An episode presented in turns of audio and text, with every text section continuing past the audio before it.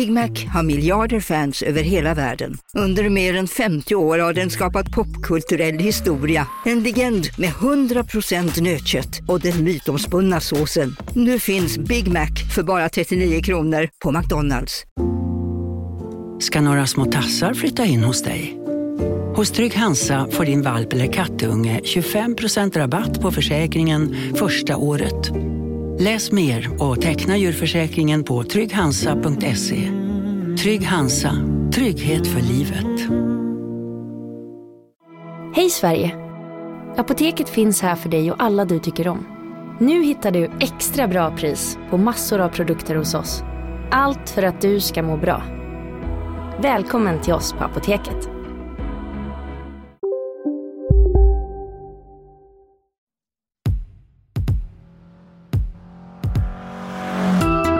Och lågt, snabbt och långsamt. I Vi Bilägares årskrönika sammanfattar Tommy Wahlström bilåret 2020. Välkommen till avsnitt 207 av Vi Bilägares podcast.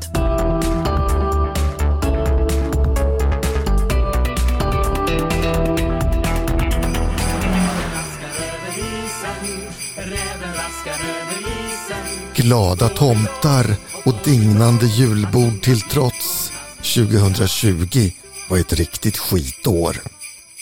Men innan vi för evigt slänger det på historiens avskrädeshög ska vi tillsammans köra genom minnenas allé i sällskap med Vi bilägares redaktion.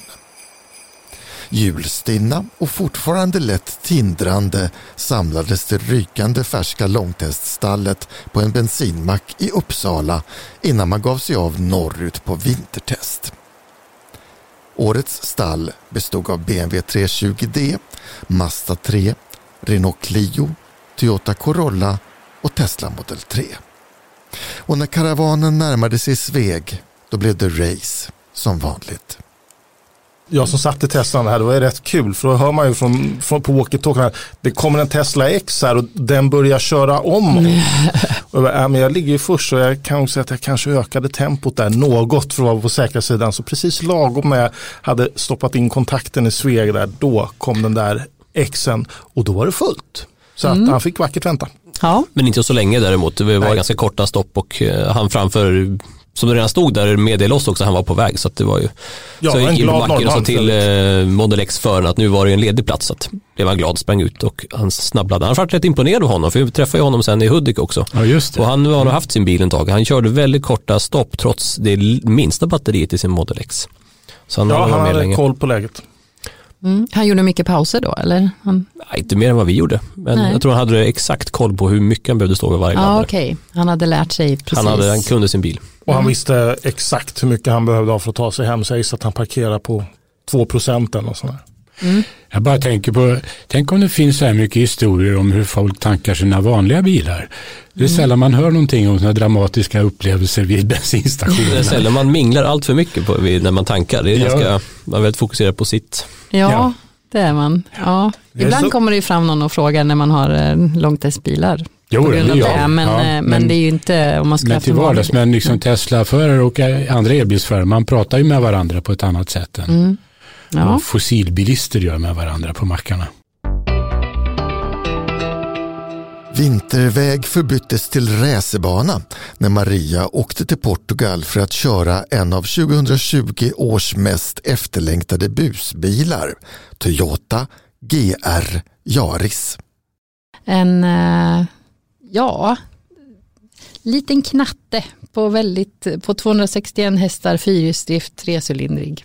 Låter jättekul, eller hur? Jag var och tittade på den där förra veckan. Ja, just den ser ju jättefrän ut faktiskt. Ja, ja den, är, den är cool. De har ju sänkt taket på den mot vanliga Yaris. Eh, nya Yaris då som kommer med nästan en decimeter. Så den är väldigt Ser och så är det så här lättbygge va? Lättbygge, ja. Den, Med kolfiberinläggningar och, och ja, aluminiumgrejer? Någon, någon slags kolfiberblandning i alla fall. Någon kanske inte så här äh, ja, jag kommer inte ihåg hur det var med tekniken, men de har blandat kolfiber, pressat ihop det på något vis med plast eller något sånt där i taket så mm. att det blir väldigt lätt och försökt spara in sådär. Och äh, tjänstevikten ligger ju på eh, 1280 kilo. Så det är en liten eh, fjäderlätt sak som jag har fått äran att prova runt en racingbana i Portugal, Estoril, om det är någon som vi är så avundsjuka. Hört talas om den, ja. Det, det, var roligt men eh, lite nervöst också. Man vill ju inte göra fel heller. Man vill ju liksom, eh, men var du ute själv då och körde eller? Nej, jag hade faktiskt coaching av, eh, han hette Nono, en av eh, funktionärerna där som kunde den här banan innan och utan. Hade liksom kört en hundra gånger själv och satt då med i alla dessa glada, gasglada journalister eh, och åkte på sidan bredvid då i passagerarsätet runt banan och eh, coachade, instruerade mig hur jag skulle göra, när jag skulle bromsa, när jag skulle växla och ja, sådär. Så det var, det, det var kul eh, och jag var ju fullt koncentrerad på att träffa den här Apex som var utmarkerad om med en kon också till och med så att man, man fick väldigt mycket hjälp där då.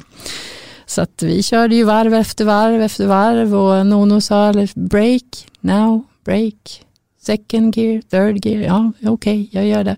Så blev jag väl då lite kaxig då efter några varv. Eh, jag ska tillägga också att den här banan, det hade spöregnat dagen innan. Eh, så att det var ju stackarna, de som körde innan oss dagen innan, de, de eh, hade det nog tuff, tufft, tuffare än mig i alla fall. Så att det var ju liksom lite blött på sina ställen så man får ju ta det försiktigt. Och det är en väldigt rolig bana, den är kuperad och ja, det är, mycket kurvor. Ja, och, det är sådana här chikaner, ja. ja. allt möjligt. Um, och då tänkte väl jag att ja men då gasar jag på ordentligt och uh, Nono sa break, break, break. och jag bromsade väl lite sent då kanske i en högerkurva så jag snurrade runt. Men eh, det var ingen fara. Det men du åkte inte av, du stannade på banan liksom? Ja, ja, ja, bilen stannade på banan. Det var liksom ingen fara och sen var det bara starta igen och köra iväg. Så det var liksom helt odramatiskt. Det var bara lite jobbigt att jag snurrade runt. En annan efterlängtad bil som kom 2020 var Hondas lilla elbil, Honda E. Karl Hempel provkörde och blev eh, lite förtjust. Den är jättesöt. Ja. Jag tycker den är snygg. Jag tycker designen är jättesnygg. Eh, och inspirationen är hämtad från Honda Civic från 1972.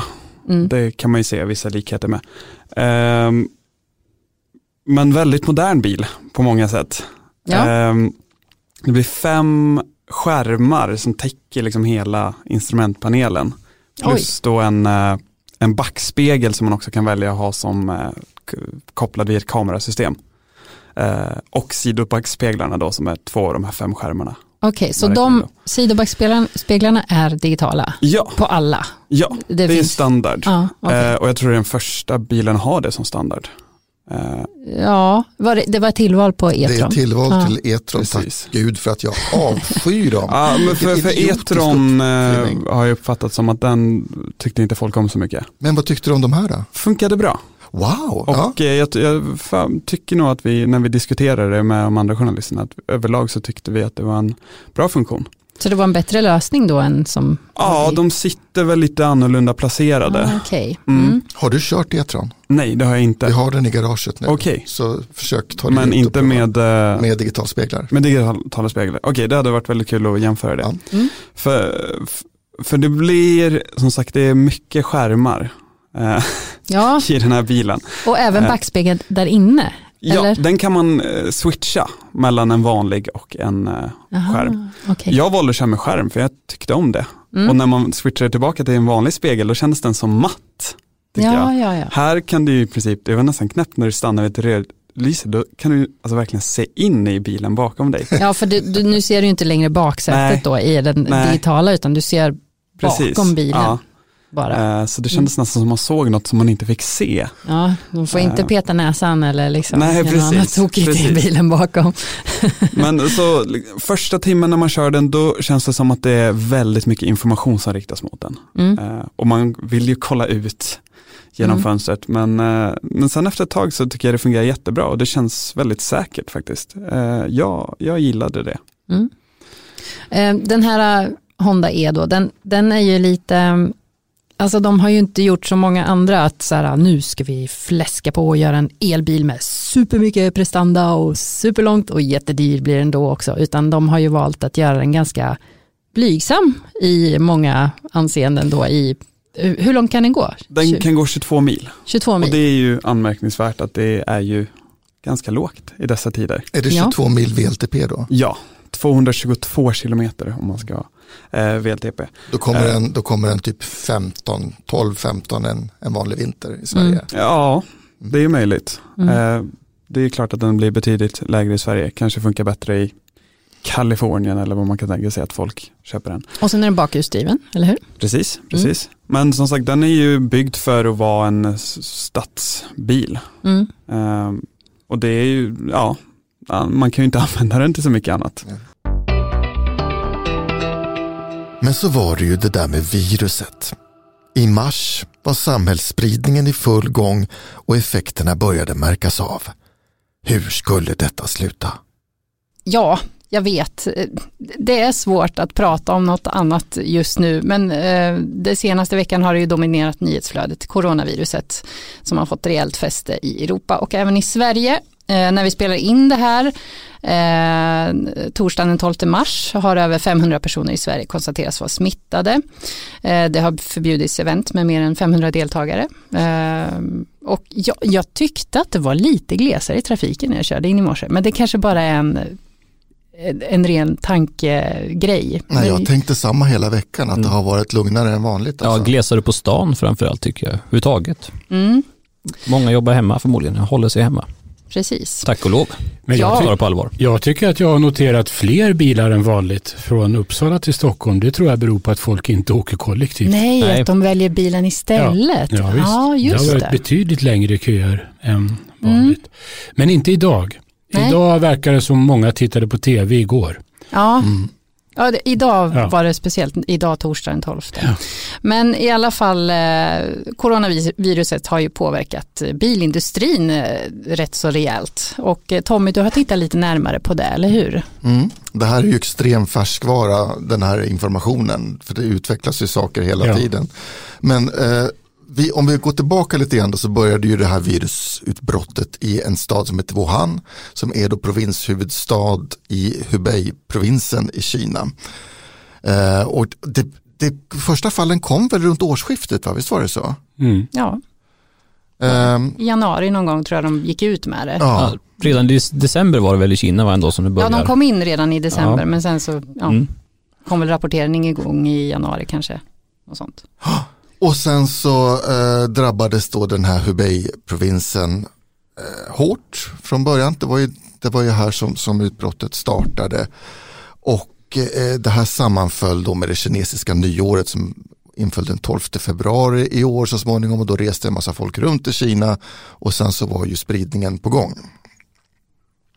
Men om vi nu tittar på just bilindustrin och fokuserar på den så är den här Hubei-provinsen intressant eftersom där tillverkas 60% av alla litiumjonbattericeller som används i världens elbilsindustri.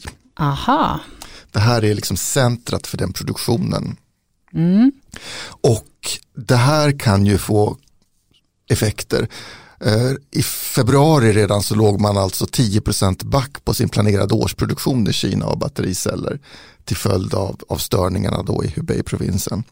Och även om man har anläggningar på andra ställen också i världen och i Kina så, och som man då har försökt gasa på nu och kompensera det här avtappet så ligger man ju fortfarande back. Och frågan är ju vad det får för konsekvenser för framtiden.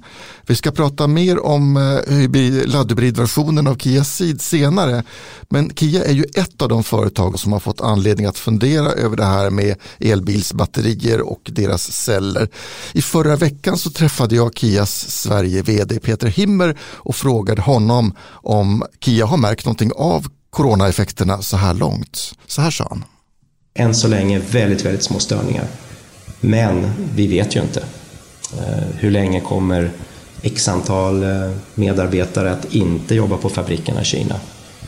Eh, hur mycket fanns upparbetat på hyllorna som står på pallar att skickas ut med komponenter och så vidare. Så att just nu känns det inte sådär jätteoroande, men så att även utan corona så ser vi ju så att säga en risk i med den här höga andelen vi har i Sverige och att fler och fler länder och hela Europa behöver ju nå 95 gram. Och det är klart, då blir ju kampen om de här bilarna större. Hur tänker du att, att kundernas mentalitet eller mindset också kan ändras på grund av viruset. Så. Ja, det, det, det, har vi sett effekten av i Kina ju. Att när folk blir oroliga så minskar ju din benägenhet att vilja vara ute publikt. Och då vill du inte handla. Eh, det blir den indirekta effekten. Så bilförsäljningen har gått ner kraftigt i Kina under den här perioden. Eh, så absolut. Eh, och det finns ju bilmärken i Kina som har startat med hemleverans. Och det har ju gett effekt då. Eh, så att vi får nog vara beredda på alla branscher i, i Sverige, alltifrån köpcentren till bilhandlare, att ja, Får vi inte stopp på det här utan det fortsätter att sprida sig, vi har ju bevisligen inte nått kulmen än i Sverige, även om det är ganska få hittills, så absolut, det, det kommer att ha effekt på all handel, inklusive bilhandel. Och då, då är det inte bara komponentbristrisken, utan då har det även att du inte har konsumenter. Så absolut, eh, det finns en utmaning där. Förutom virus kom mycket att handla om elbilar under 2020. En av de snabbare som hittade ut på det svenska vägnätet under året var Porsche Taycan. Jag plockade förstås ut den och drabbades av något oväntat. På väg mot Gustavsberg så ser jag plötsligt hur en silvergrå Audi kommer upp väldigt nära bakom väldigt snabbt. Bara så här pang rakt in bakom oss i en rondell. Och eh, i bilen bakom då så sitter ett par yngre män i toppluvor och ser väldigt glada ut. Um, och plötsligt så ser jag då hur passageraren liksom reser sig upp i sätet och, och fipplar med någonting. Och, och sen så är det en till rondell som vi kör igenom och så kommer Audin och, och vräker sig förbi oss. Uh, och så ser jag då hur den här karn eh, på passagerarplats drar ner byxorna och stoppar ut skärten genom sidofönstret. Men öpp, öppen eller stängt fönster? Öppet fönster. Öppet fönster. oj, oj, oj. Vad är detta? Vad motsvarar det i tumme upp? Vet inte. Är det, är det också tumme upp eller? Men det var väl något som folk höll på med på så här fotbollsläger när man var 12 år. Men eh, det lever kvar kanske. Ja, men jag, vi pratade länge om det i bilen sen. Var det en utmaning? Skulle vi ha kört i kapp? Eller var det liksom... Eh, för vad betyder det för något? Ja, det betyder att personen inte har säkerhetsbälte på sig och är lite korkad. Toxic masculinity är väl vad det betyder. Ja, Ja, jag vet inte. Men, men om det var tänkt som en förolämpning så funkar det ju inte riktigt på två homosexuella medelålders män som sitter där på en lördagstur. Vi tyckte det var väldigt trevligt.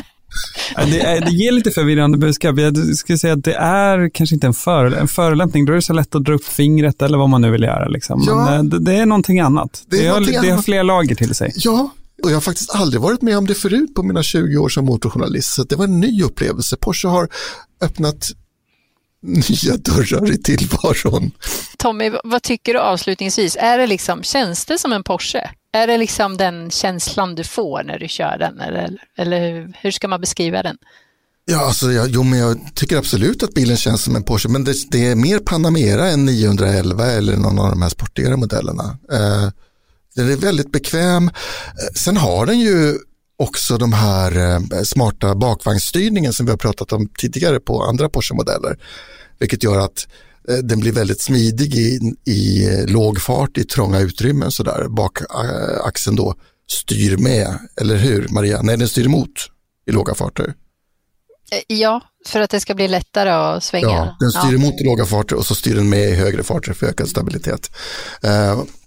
Så den är väldigt lättkörd fast den är så stor, eller vad tyckte du Karl? Jo, men det kan jag hålla med om. Det, jag, jag blev förvånad när du sa hur, hur stor bilen var. Mm. Den är bred, absolut, men över fem meter lång, så är det Ja, ja. strax under fem meter. Strax men, under fem meter. Ja, 498 eller mm. sånt tror jag. Ja. Det är en ganska stor bil. Ja, men det, det ligger någonting i det. Mm. Så den känns inte tung och klunsig att nej, köra? Nej, och, och 2,3 ton och det känner du aldrig när du kör den. Liksom. Det, det, jag gasade på lite mer på något ställe där och då kändes det att det var friktionsdäck på den för att det är ganska mjuka däck sådär. Men, men eh, jag kan tänka mig med, med, med vanliga sommarhjul så upplever man knappt någon tyngd alls i den. Alltså.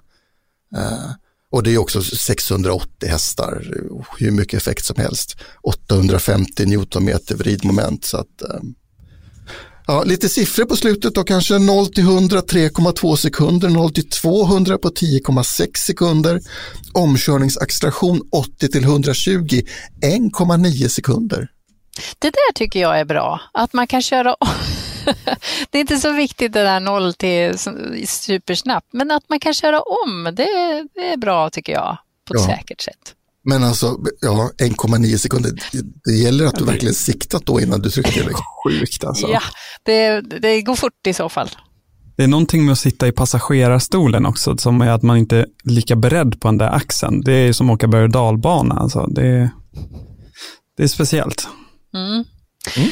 Ja, och har man 1,7 eh, miljoner över så är väl det kanske något då. Kanske 1,9 till och med i det här fallet. Ja, alltså som sagt 1,7 det är startpriset och sen så behöver du lite grejer också säkert.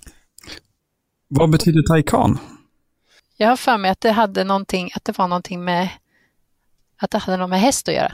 Jo, men du har alldeles rätt Maria. Det är en, en översättning från turkiskans eh, livlig unghäst. Ja, just det. Mm. Jag tyckte jag hade något där i bakhuvudet att jag skrivit om det. Okej. En livlig ung, ung häst. Eh, livlig ung häst eller livlig ung häst, jag vet inte riktigt vad du menar. Men, ja. Ja. Det var nog bra att de tog det turkiska och inte det svenska namnet. Vad är, vad är det svenska Nej, namnet för en livlig? Heta, heta livlig ung häst då. Porsche livlig ung häst. Det hade inte sålt lika bra, det klirrar inte lika bra i munnen. Ja, men den, är ju, den, den, den, verkar vara lite som ett fenomen, att det handlar mycket om det som är runt Taycan. Inte Precis. bara Taycan, utan hela upplevelsen med Taycan och allt som medföljer, inklusive eh, jag skulle säga mervärde. Mervärde. Ja, inte bara en bil för pengarna utan du får en, en upplevelse också. Men det ligger kanske något i det. Vissa människor har en förmåga att alltid hamna i konstiga situationer. Det här kanske är bilen där man lockar till sig ja. Mm. Det här kanske är den perfekta bilen för dem helt enkelt.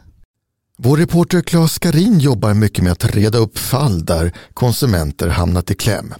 Claes blev kontaktad av en ägare till en Citroën C0 från 2012, en av de första elbilarna på den svenska marknaden vars batteri hade börjat tappa stinget. Det är ju mycket diskussioner kan man säga nu om de nya elbilarna, hur hur batterier kommer hålla. Man vet ju själv hur det är med mobiltelefonen att helt plötsligt i kyla särskilt så börjar den hosta och ge upp så sakteliga. Och jag menar, det är ju någonting som händer alla batterier. Och det här är faktiskt ett intressant eh, fall på hur, hur det kan drabba konsumenten i slutändan.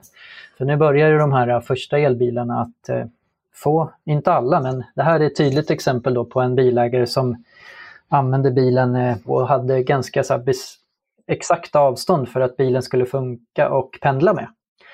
Och då har vi 15 mils batteritid som nu låg runt 8 mil då efter, ja det är ju i och för sig 8 år men det är ju nästan halverad kapacitet då på batteriet. Mm. Och då eh, kunde han inte använda bilen. De kom inte någonstans. Och då vände han sig till Zetterblom bil. De ville ha 440 000 för att byta drivbatteriet på den här bilen. Och det är ju, vad kostar den här bilen att köpa när den var ny? Ja, det var ju inte så mycket i alla fall. Den kostade 280 000 2012. Ja. Och oh, då får han en offert på ett batteribyte för 440 000 vilket känns ganska orimligt. Ja, verkligen. Eh, och det är ju ganska intressant att belysa just eh, hur man hanterar eftermarknaden eh, från biltillverkarnas håll och eh, generalagenterna då, som ska se till att de har reservdelar till sina bilar. Men vad är det för typ av batteri? Det, är det, det ett litiumjonbatteri eller? Ja, eh, det är precis som, så som batterierna ser ut i dagens bilar.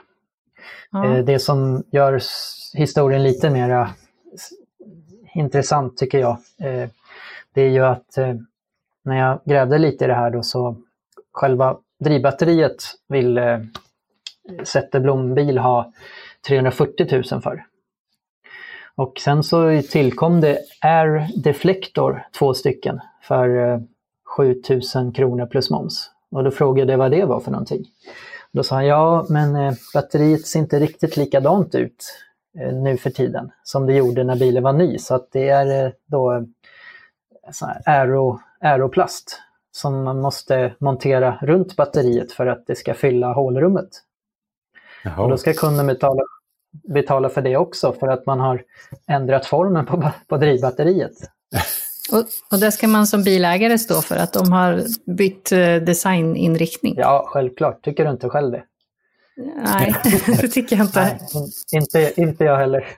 Och, och, och, sen så hade de dessutom lagt till batterivatten på 25 liter och det vet man ju sedan gammalt att de här gamla blysyrabatterierna behövde fyllas på med sån här eh, batterivatten.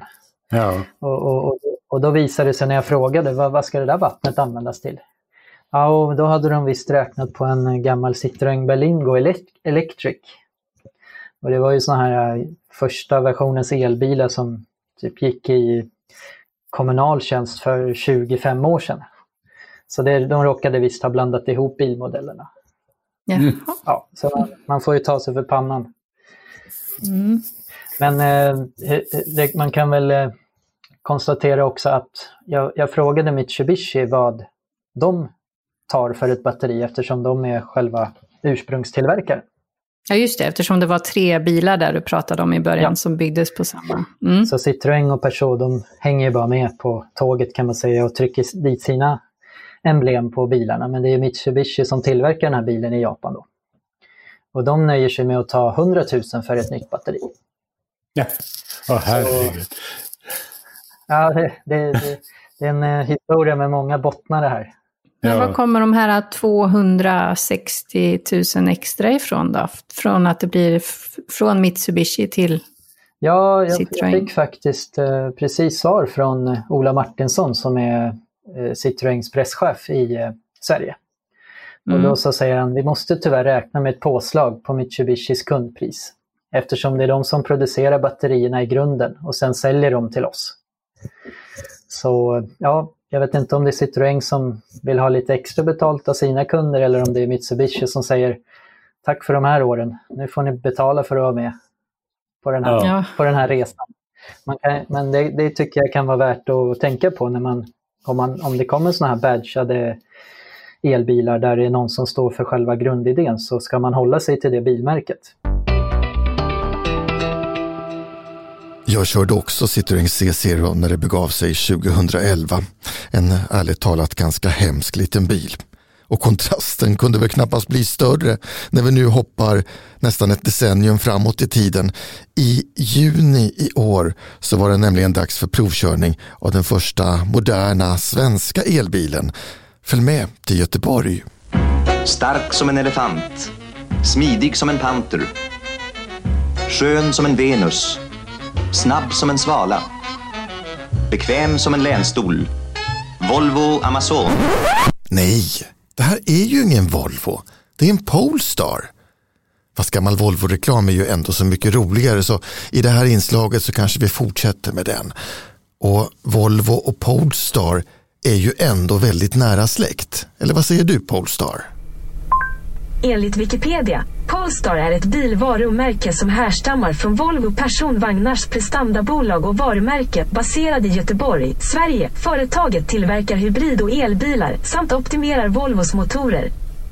Polestar 2 är en ny elbil byggd på plattformen CMA som i sin tur är utvecklad av bolaget Sevt i Göteborg som ägs av kinesiska Geely. På CMA baseras också bilar som Volvo XC40, Lynk Co 01 samt flera modeller från Geely. En gentleman på vägen. Vilka linjer, vilken gras. Toppsäker. Stark, trygg, elegant. Polestar 2 tillverkas i Kina och ska konkurrera med såväl Tesla Model 3 som maffigare konventionellt drivna versioner av BMWs 3-serie och Mercedes C-klass. Priset är högt, drygt 650 000 kronor för det fullutrustade grundutförandet av introduktionsmodellen. Batteriet är på 78 kilowattimmar och ger upp till 47 mils räckvidd. Bilen är fyrhjulsdriven med en stark elmotor på vardera hjulaxeln Totalt ger motorerna över 400 hästkrafter och 660 newtonmeter i vridmoment redan från start. Att accelerera från 0 till 100 km i timmen går på 4,7 sekunder. Inte illa pinkat av en koloss på 2,1 ton. Ah, temperament och en sån hållning. Det är inte bara bilen som är ny. Även försäljningen kommer att ske på ett nytt sätt. Sverigechefen Martin Ölund berättar att Polestar är ett digitalt varumärke med en i huvudsak digital försäljningskanal. Så här beskriver Martin hur det hela ska fungera för den som vill köpa sig en Polestar. Då har du två olika alternativ egentligen. Det ena alternativet är att du upplever den digitalt och du specificerar den och bygger den så som du själv vill. Begränsat val, vi har försökt göra den så bra som möjligt från början. Eh, och då så väljer du ett köp via en digital funktion och därefter så, så hämtar du ut bilen på våra utvalda leveransplatser i Sverige. Eh, vilket är Göteborg, Stockholm och Helsingborg i dagsläget, vilket vi kommer utö utöka mer. Och därefter så kör du ut bilen och servar den i svensk Volvohandel. Det är det alternativet. Skulle du vilja provköra den så kommer du kunna göra det från Stockholm och Göteborg där vi har våra Space, så kallade showrooms.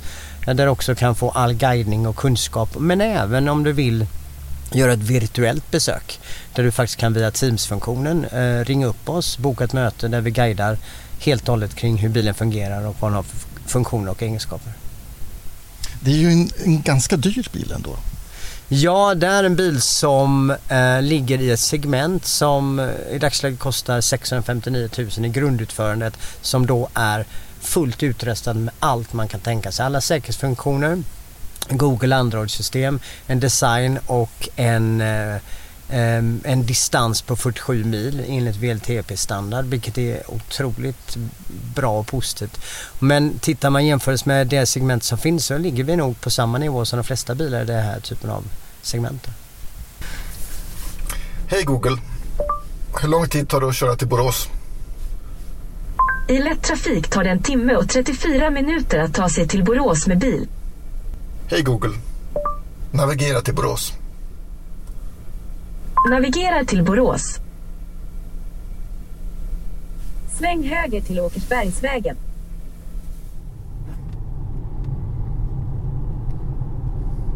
Det krävs inte lång stund bakom ratten förrän det står klart att Polestar 2 är en rasande trevlig bil att köra. De starka elmotorerna gör den pigg. Inte sådär ryggsparkssnabb som Porsche Taycan utan mer obändlig kraft som känslan i Audi E-tron. När man släpper gasen så återvinner motorerna en del av rörelseenergin och motorbromsar bilen som i de flesta andra elbilar. Övergången mellan regenerering och de hydrauliska bromsarna är inte helt smidig och känslan i bromspedalen är en smula artificiell och annorlunda men jag tänker att man kanske vänjer sig vid det.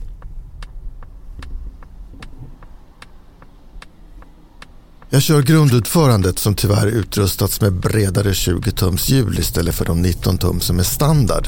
Jag säger tyvärr eftersom däckbullret är påtagligt trots att Polestar använder däck med inbyggd bullerdämpning. Elmotorerna är tysta, vindbruset väl dämpat och karossen förstås helt fri från gnek, knirk och knak. Skam vore det väl förresten annars med tanke på det priset. Men när alla andra störningar försvinner så sitter man där och har inte så mycket annat att göra än att lyssna på däckens malande. En god gammal regel är ju smalare däck desto tystare kupé.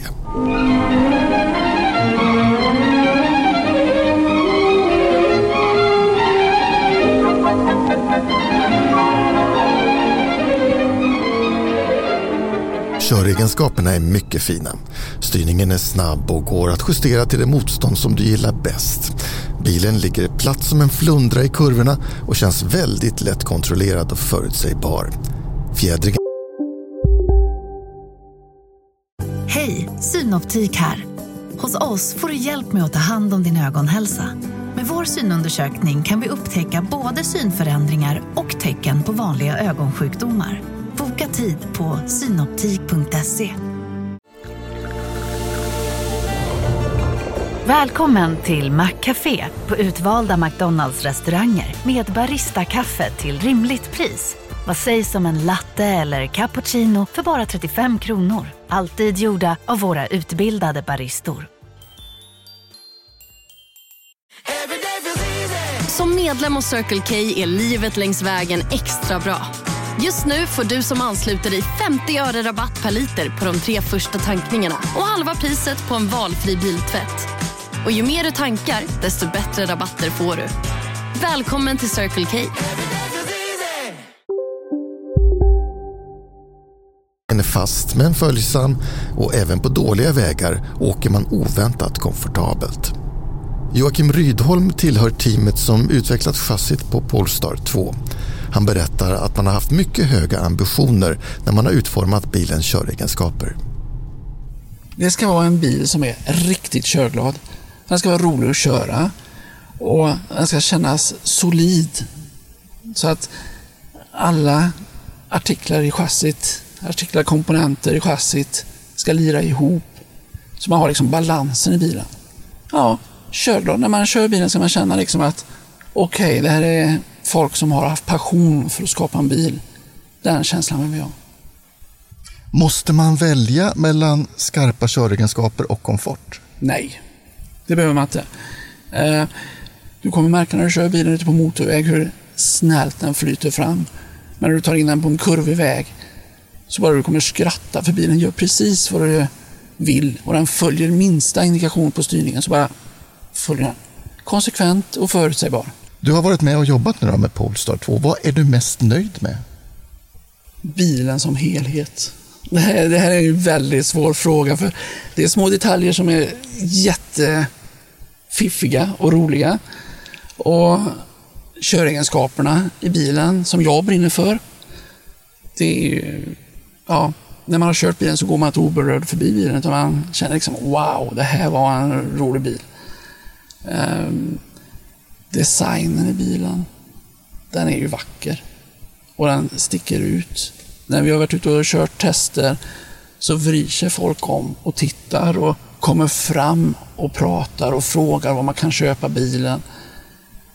Så att det är, hel, det är helheten, som paketet som känns riktigt rätt. Jag tycker det ser ut som en efterföljare till Saab 99 kombikupé. Okej. Ser du inte det? Eh, tänk dig en 99 som hade utvecklats 30 år till framåt. Ja, ja. ja, jag vet inte vad jag ska säga på. Nej, du vet design, inte vad som är. Design Saab 99. Ja, jo, det. nej, du var inte gammal Saab-människa, nej. Ja, jag jobbar på Saab. Du har gjort det? Men eh, jag ser inga större likheter med en Saab 99 här. Det är bara mitt lilla huvud. Då. Ja. Tack så mycket Joakim. Tack själv.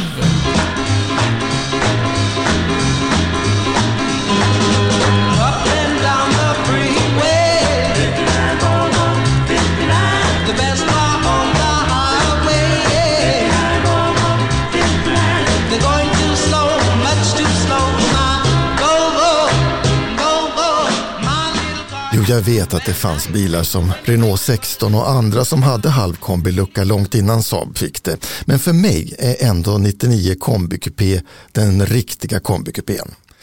Kanske blir det Polestar 2 som tar konceptet vidare in i 2020-talet. Elbakluckan öppnas stort och bagageutrymmet tar drygt 400 liter last. Fäller man fram baksätet blir lastytan nästan plan och rymmer strax över en kubik. Med uppfällt baksäte är lastvolymen mindre än i värsta konkurrenten Tesla 3. Men den stora bakluckan gör utrymmet mer lättåtkomligt och därmed också mer användbart. Som i Tesla 3 har även Polestar 2 en frunk i fronten där man kan frakta laddkablar och annat. Överlag är det kanske den praktiska användbarheten som imponerar mest i Polestar 2. Här finns gott om utrymme för fyra vuxna, även om den batterifyllda mittkonsolen känns en smula dominerande i framsätet. I baksätet får även vuxna plats med huvudet och stora sidorutor ger bra utsikt även för kortare baksätespassagerare. Instrumenten och reglagen fungerar som man är van vid. Rattknapparna är de samma som i Volvo och även många andra reglage och inredningsdetaljer känns igen från systerföretaget som ligger intill Polestars huvudkontor på Hisingen. Men sen har vi då Google Assistans. Det hittills bäst fungerande röststyrda system för bilbruk som i alla fall jag träffat på. Förutom att styra navigation och medieanläggning kan assistenten även sköta bilens klimatanläggning. Ja, och så kan den ju även stå för underhållningen. Hej Google! Dra en Göteborgsvits. Här kommer en görbra. Vad sa äpplet till bananen? Är du go eller?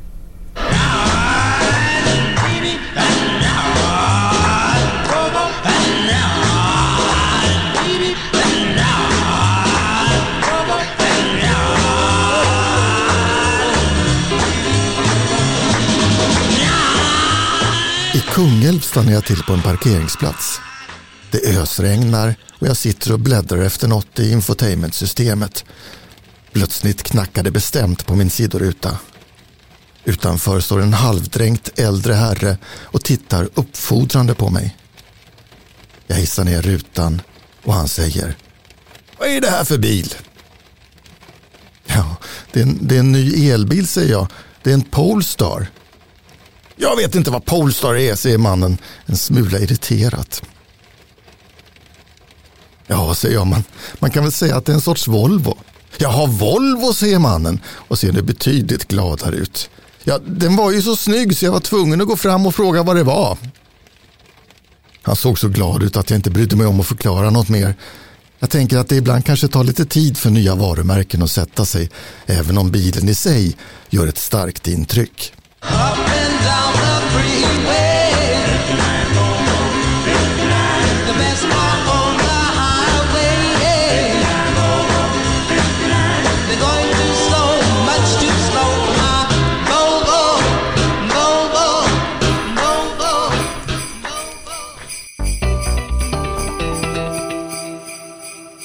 En till elbil måste vi avhandla. 2020 var det nämligen lanseringsdags för Volkswagen ID3. Den första bilen ut på koncernens nya plattform MEB som i sin tur ska bilda grund för hundratals kommande modeller från Volkswagen, Audi, Skoda och Seat. Vi bilägares testlag stod redo och lät ID3 gå en tuff match mot Kia e-Niro, Hyundai Ioniq och Tesla Model 3. Kalle Karlqvist. Om man kort ska karaktärisera det så är ju Kia och Hyundai är ganska konventionella körupplevelser där eh, Kian har lite sämre fjädringskomfort än Hyundai tyckte vi väl. Teslan är ju en extrem körupplevelse, en sportig bil med mycket direkta reaktioner och kul att köra helt enkelt på, på eh, uttalat kul att köra. Och ID3 är väl den bilen av de fyra som har lyckats bäst med fjädringskomforten egentligen. Men det gäller bara inom vissa ramar. För vi har ju kommit fram till att vi tycker att bilen eh, beter sig ganska dåligt när man pressar bilen lite utanför vardagsgränserna. Mm. Det var väldigt skum att köra tycker jag, när man lämnar just bilens komfortzon. Det var väl alla överens om, ja. inte bara i undanmanövern. Det var även när man sen körde på lite kurviga vägar. att De var jättefina att styra in i kurvan, men sen väl där så visste man inte riktigt vad det var den skulle hända. Eh, styrningen tappar känsla. Liksom den, den kränger ganska mycket mjuka förändring ja. samtidigt som den på ett ganska snabb och rapp styrning. Så att det ska vara lite, den är inte fullt så elbilskul som en Tesla eller de andra, men jämfört med koreanerna så är den ganska rapp och, och fin att köra. Men det, det saknar ju en, en feedback och det, det, det, är svårt att börja köra den fort. Man vet inte vad den ska göra. Och det har ju varit Volkswagens stora signum att man, även om man råkar gå in i en kurva lite för fort så kommer man ut ur kurvan liksom utan handsvett. Att bilen beter sig logiskt, man har tydlig feedback från, från chassi och styrning och man kan köra bilen hela tiden. ID3 var ju precis tvärtom. Ja. Den bara försvann och det var som en, en, en, dimma av alla körintryck. Och sen så hamnar man någonstans i slutet av kurvan utan att veta exakt hur det gick till och varför man var där. Vi tyckte ju hela tiden att man kom väldigt långt ut i vårt fiktiva mötande körfält. Och sen för att ta sig tillbaka så kändes det ganska osäkert hur det skulle gå, var man skulle hamna någonstans. Jag tror att Nils eh, nämnde någon gång att det var som att bilen bara försvann, att man inte hade någon aning var den var i banan. Mm. Nej, det var det som hände. Man la ju an styrning och började ta styrning för att vara rätt snabb och sen så tar det en fördröjning medan liksom, den, den sätter sig med, med den ska vrida runt. Liksom ta tid när hela chassit och fjädringen ska sätta sig. Och sen när den väl tar styrning igen så bara sticker den iväg och man vet inte hur långt, vart man hamnar någonstans. Det var ju problem vi alla hade För vi körde igenom flera stycken. Jag vet, minns att du, Kalle, kom tillbaka och bad mig, Nils, prova den här, liksom, se hur det går för dig. Mm. Och, och man hamnar liksom helt bort i tok. Alltså, det går inte... Och det är det som är så farligt. Du pratar om beteende här. Jag menar, vi kör ju det här om och om, om igen och hittar ett tempo, hittar ett flyt. Men jag menar, skulle det här ske ute i trafiken, om man helt plötsligt ska göra en undanmanöver. Jag menar, vi misslyckas ju kapitalt första gången, alla vi försöker ja. ta en konbana. Vi bara sladdrar av i, först, i den första kurvan börjar vi riva koner för att ja. den åker iväg till vänster ut i möten och körbana ganska långt ut. Man hade nog kört i diket nästan. Nu överdriver jag en smula, det kanske inte har hänt, men det är det som är så skumt. Att det, den svänger lite grann, det är en fördröjning och sen kommer, kommer alla känslorna på en och samma gång som Gessler sjöng. Ja. Och det här var ett beteende som gick igenom sen även på allmän väg när man började pressa den. Och vi, vi körde grusvägavsnitt också med lite lösgrus. Och det var lite samma sak där, att man lägger an lite styrning, bilen tar lite styrning och så plötsligt whoosh, glider man iväg betydligt längre än vad man hade tänkt göra med det styrslaget. Så det ska bli, det ska bli intressant att se hur det går sen i, i vinter och annat. För det är, det är totalt motsatt vad vi har sett från Volkswagen, Volkswagen-produkter tidigare. Elbilar, bensinbilar, dieselbilar. För stenmården är alla lika smakliga. Den må se gullig ut med sina rosa trampdynor men stenmårdens mun är full av vassa tänder och den älskar att äta kabel. Karl Hempel berättar mer. Den ser väldigt lite som en mink kan man säga.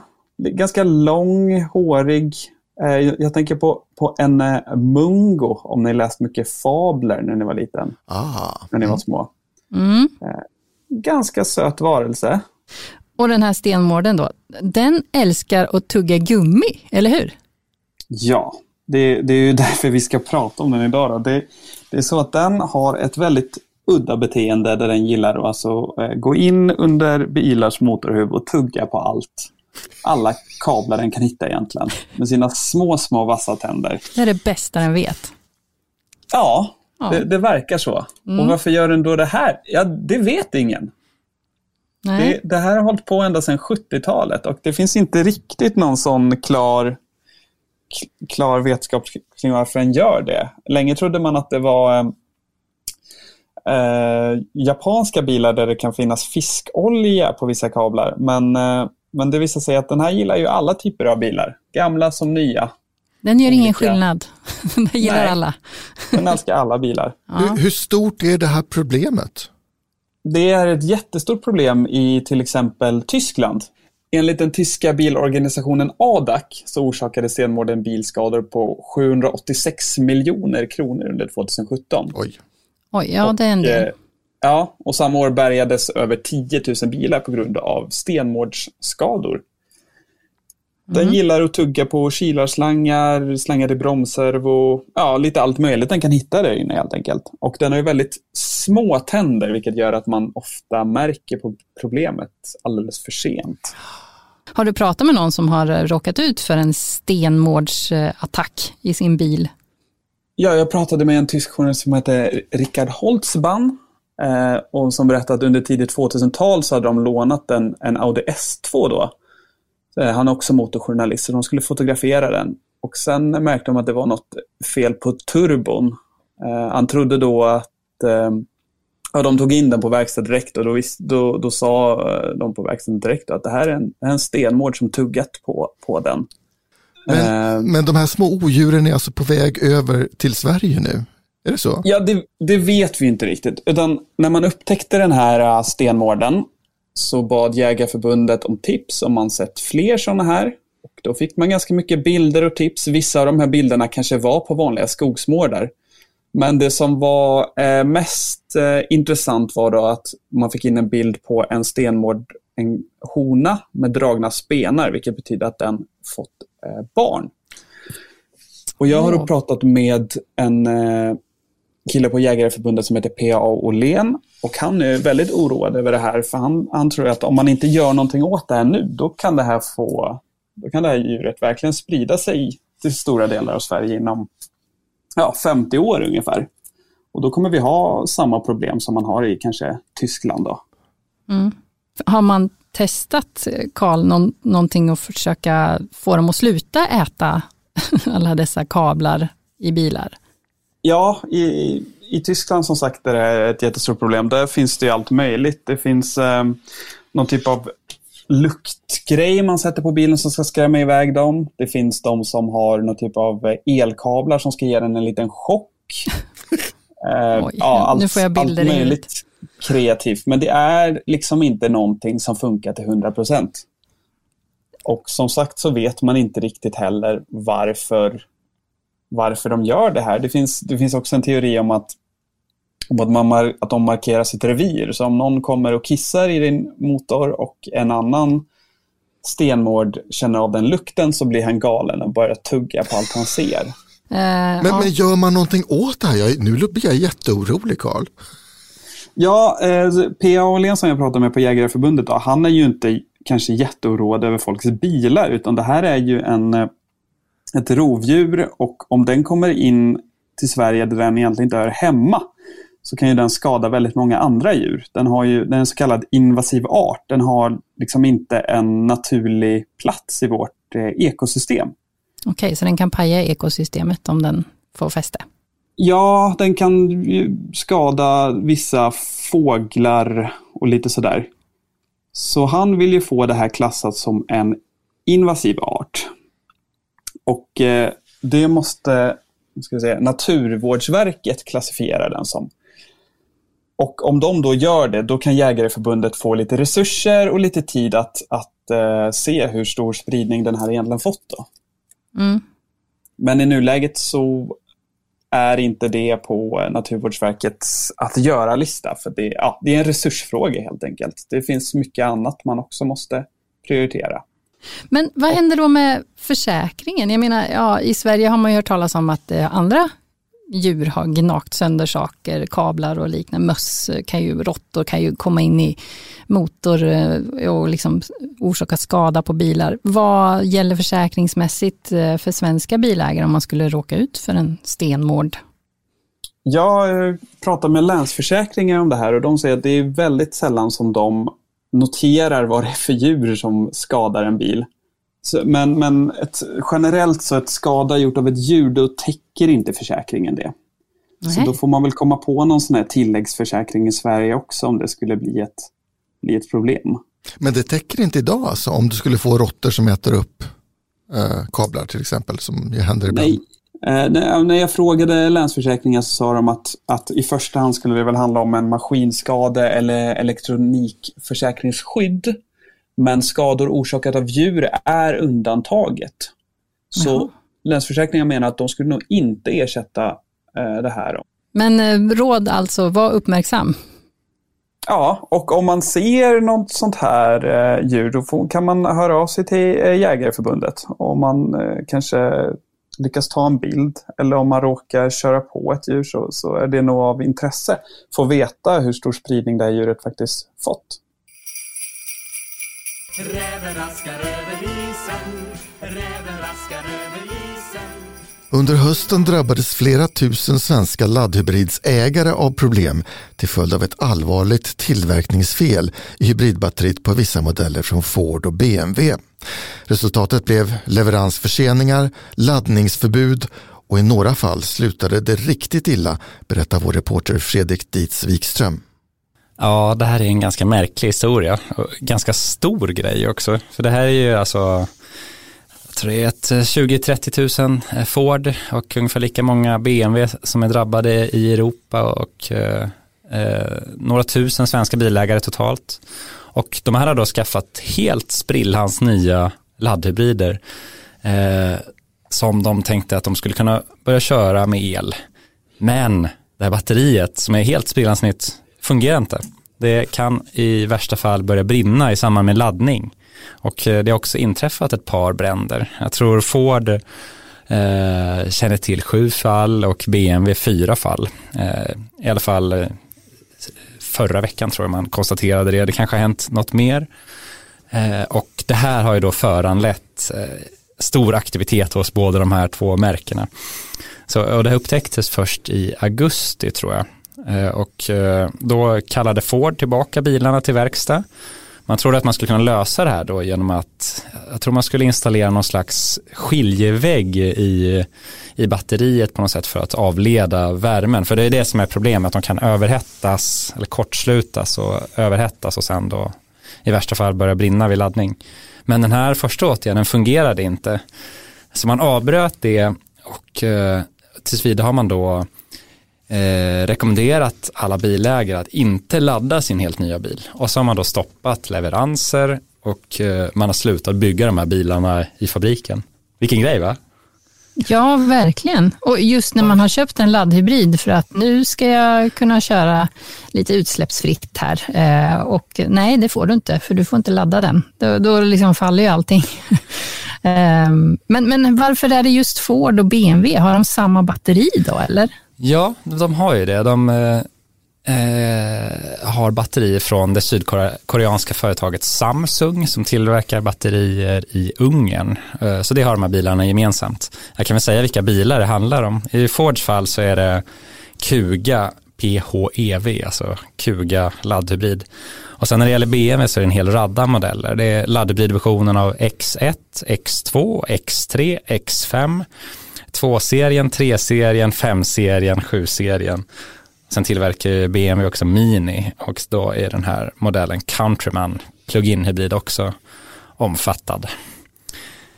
Mm. Eh, och eh, ja, eh, problemet är helt enkelt, har man nu konstaterat till slut att batterierna är kontaminerade. Det är sällan man hör att någon bildel är kontaminerad. Nej, och det låter aldrig speciellt bra, det där ordet. Så man har helt enkelt kommit fram till att i produktionen av battericellerna, och det är ju en process som måste göras under väldigt stor försiktighet. Man, man tillverkar de här battericellerna i särskilda, jag tror det kallas torrrum, där man har ultralåg eh, luftfuktighet och liksom eh, använder pumpar och Eh, ventilationssystem för att få bort minsta partikel i luften. Men no på något sätt under den här eh, battericellsproduktionen så eh, har orenheter smugit sig in och det har då påverkat batterierna till den grad då att de kan kortslutas och ja, i värsta fall börja brinna. Och det här har ju då fått konsekvenser för bilägarna. Jag har bland annat pratat med en bilägare som eh, beställde sin bil för flera månader sedan. Den står eh, hemma hos eh, hans återförsäljare men de vill inte lämna ut den för den eh, har inte åtgärdats, den har det här problemet. Och har, Så han kan inte köra sin bil? Sin nej, han har, bil. han har, inte fått ut bilen ens. Den står i Sverige eh, ja, till synes redo att levereras men på grund av det här batteriproblemet så, så levererar inte Ford bilarna. Och samma sak gäller massor av BMW-köpare eh, också. Där de har eh, enligt mina uppgifter flera hundra bilar i, i importhamnen i Halmstad som står och väntar på åtgärd som de inte levererar till bilägarna. Och där kan bilägarna ha väntat i ja, tre, fyra månader på sin bil nu. Och vad sa du nu med åtgärd och sådär? Alltså om det är ja. kontaminerat från början, kan man då ens bygga dit någonting som tar bort det här eller måste man byta ut hela paketet? Liksom? Ja, hela eh, Ford har gått ut med en åtgärd. BMW har ännu inte gjort det vad jag vet, men eh, Ford eh, har i alla fall bestämt att man byter hela batteriet. Så helt nya batterier ska man då riva ur bilarna, skrota och stoppa in nya batterier som är tillverkade med en process som inte har kontaminerat battericellerna helt enkelt. Mm. Och man gick ut med det här häromveckan, så man ska börja arbetet i Sverige i vecka ett nästa år. Så det dröjer ytterligare några månader för de här bilägarna. Oj, ja verkligen. och det här arbetet kommer också ta tre månader. Och det här är ju en jättegrej. De här batterierna är ju det är ju en stor klump och eh, det är ju dyra grejer där. Det är det som gör att de här bilarna kostar lite mer. Så Ford eh, har ju gått ut med att det här är den största återkallelsen de har gjort i Europa. Och eh, jag tror att i sin senaste kvartalsrapport så avsätter man ungefär 4 miljarder kronor för, för den här åtgärden. Så det kommer kosta mm. på. Eh, vad BMW kommer göra är oklart än så länge. Eh, får se, de har eh, gått ut med bara att de ska börja undersöka de här bilarna se, och se om man kan ja, kanske sålla i, man kanske inte behöver byta batterier på alla, se vilka som har det här potentiella problemet. Ja, vi får se om de också byter batterierna till slut, men de har i alla fall inte gått ut med en lösning. Så där, står, där svävar bilägarna, bilköparna fortfarande i os osäkerhet. Många poddar har det blivit. Under hösten firade vi vårt 200 avsnitt. Dagen till ära hade Maria Dalin klippt ihop 200 sekunder av klavertramp som du, kära lyssnare, dittills hade besparats från att höra. Här kommer våra tavlor i repris. Dogbox. Vi har pratat om det här i en tidigare på, tror jag. Kanske inte så utvecklande. Långt. Du klippte bort det Maria. Gjorde jag det? Ja, det var helt bortklippt. Jag var så förvånad när jag lyssnade på den här podden. Jag nu ska vi se hur mycket jag måste ha sagt fel och inte sagt fel. Men det var helt bortklippt, mycket föredömligt. Då förstår man mycket vi samlar i inspelningarna. Man lyssnar på det efteråt och ändå inte kommer med. Maria är ju hård när hon klipper. ja, det är bra det. Sparar vi de här tavlorna någonstans? Finns det ett blooper tape som vi kan lyssna på någon gång? Ja, det, ja, det kan väl ordnas. I avsnitt 190 av Vibiel Blach. Fan. Kunden av den här bilen blir väl den som då inte väljer en Kia Niro plug-in som ju kostar 334,9 och går 50 mil. Nej, 50 förlåt. mil? Gratulerar! Men, men vi är svåra koreaner alltså. Ja. Och då går ju, studsar ju cylindrarna upp och ner där i den där motorn. Um, det gör de inte i en boxer. Här studsar de mot sidan istället. De jobbar eh, i par. Eh, så att när en går vänster så går den andra åt höger. Det där var ologiskt. Vikteffekten är väl kanske inte så där headbanging jättelåg. Du förstår jag inte alls vad jag säger längre. kan, vi, kan, vi, kan vi börja om kanske? Jo, de har då helt enkelt tagit bort kopplingen på den här bilen. Klipp. Blooper tape. Med mig idag sitter alltså, förresten jag som pratar heter ju Maria Dalin och eh, med mig sitter också, eller vänta det ska jag inte säga, jag ska säga Jo men Maria du är Maria. Ja, jag är Maria men jag ska säga något annat än, nej inte här i studion. Här är där man är. Där är där man inte är. Jag heter i alla fall Maria Dalin. Ehm, vi har eh, jag heter i alla fall Maria Dalin. Är du säker på det Maria? Man kan inte säga det nog många gånger. Nej. Du kan inte läsa vad det står där.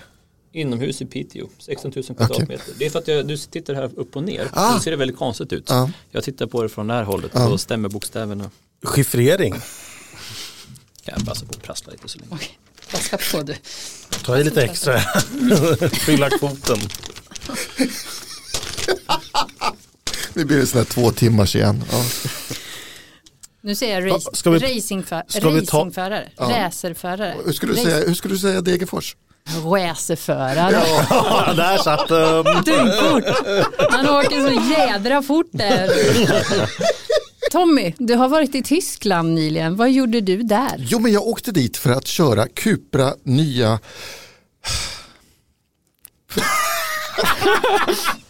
du suckade helt enkelt åt modellnamnet. Det är svårt att säga. Ja, nej men Tesla vinner ju va? Ja. Ska vi inte börja så? Det är lika bra att riva av plåstret. Det är en skitbil. Nej usch, jag är på dåligt humör idag. Det här är inte bra.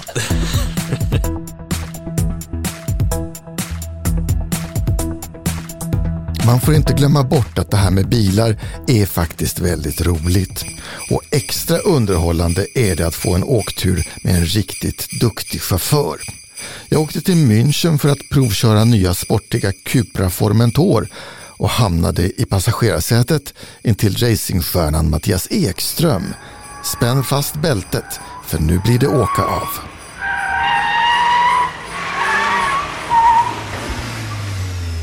Nämen, är det Mattias? Tjena! Ja, god dag! Hej! Hur är läget? Jo tack, det är bra. Hur är det själv? Det är bra. Det är kul att höra en svensk här. Jag har bara sett utlänningar än så länge. Jaha du. Nej, men här kommer det svenskar också. Du, får man åka med en sväng? Absolut, absolut. Eh, ba, eh, bara om du inte nyss har ätit, för de som nyss ätit brukar må lite dåligt. Ja, det är ingen fara, jag håller fram mikrofonen så jag kommer att slå dig med den också. Okej, okay, om jag kör för fort så är det bara slå. Ja. Okej, okay. ja, skrik stopp och dra handbromsen. Matthias Ekström wins the German Touring Car Masters. Hi, I'm Matthias Ekström. Ihr kennt ja meine Motto. Go hard or go home. Hur kommer det sig att du håller på med det här Mattias? Nej, det är väl lite... en del av jobbet.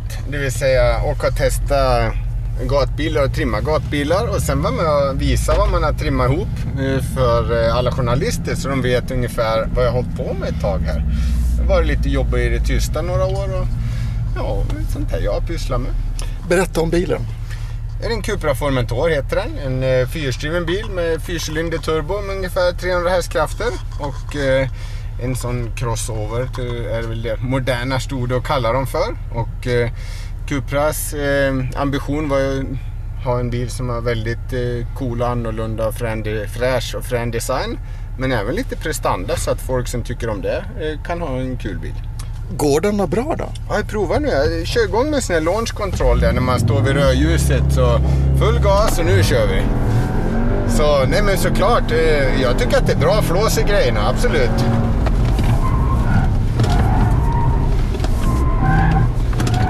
Ja, den svänger bra.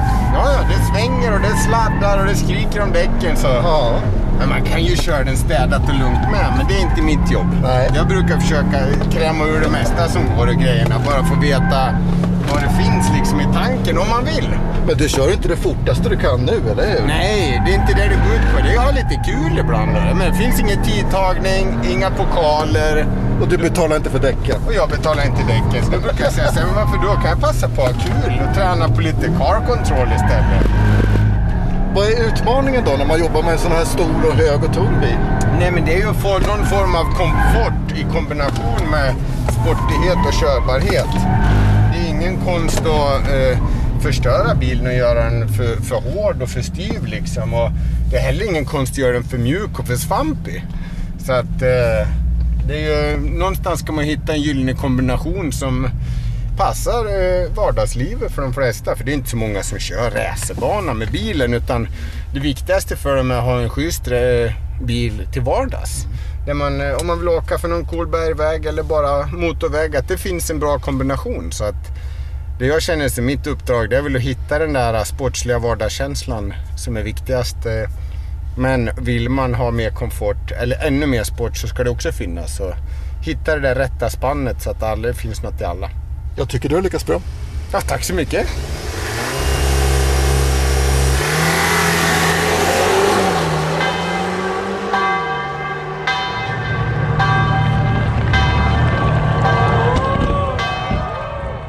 Glöm inte att lyssna på Vi Bilägares podcast också nästa vecka. Då ska vi avslöja 2021 års långtestbilar. Jag heter Tommy Wahlström. Jag önskar dig god fortsättning och så småningom också ett gott nytt år. Nu stänger vi 2020 för gott. Ett riktigt skitår. Hej då! Du har hört Vi Bilägares podcast. Om du inte redan prenumererar på podden så gör gärna det så missar du inte något avsnitt. De senaste nyheterna hittar du på vår hemsida, vibilagare.se. Just nu har vi ett extra förmånligt kampanjerbjudande för att läsa alla artiklar och hela tidningen online. Endast 19 kronor i månaden de första tre månaderna. Läs mer på vibilagare.se premium.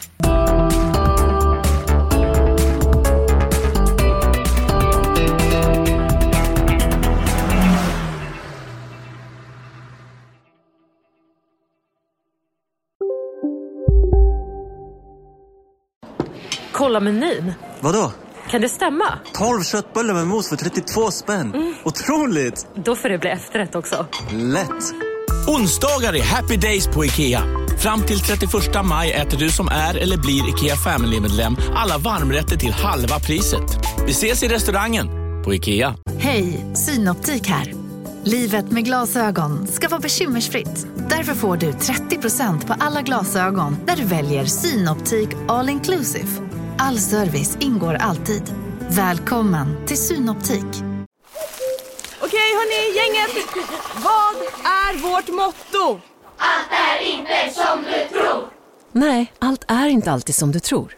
Nu täcker vårt nät 99,3 procent av Sveriges befolkning baserat på röstteckning och folkbokföringsadress. Ta reda på mer på 3.se eller i din 3-butik.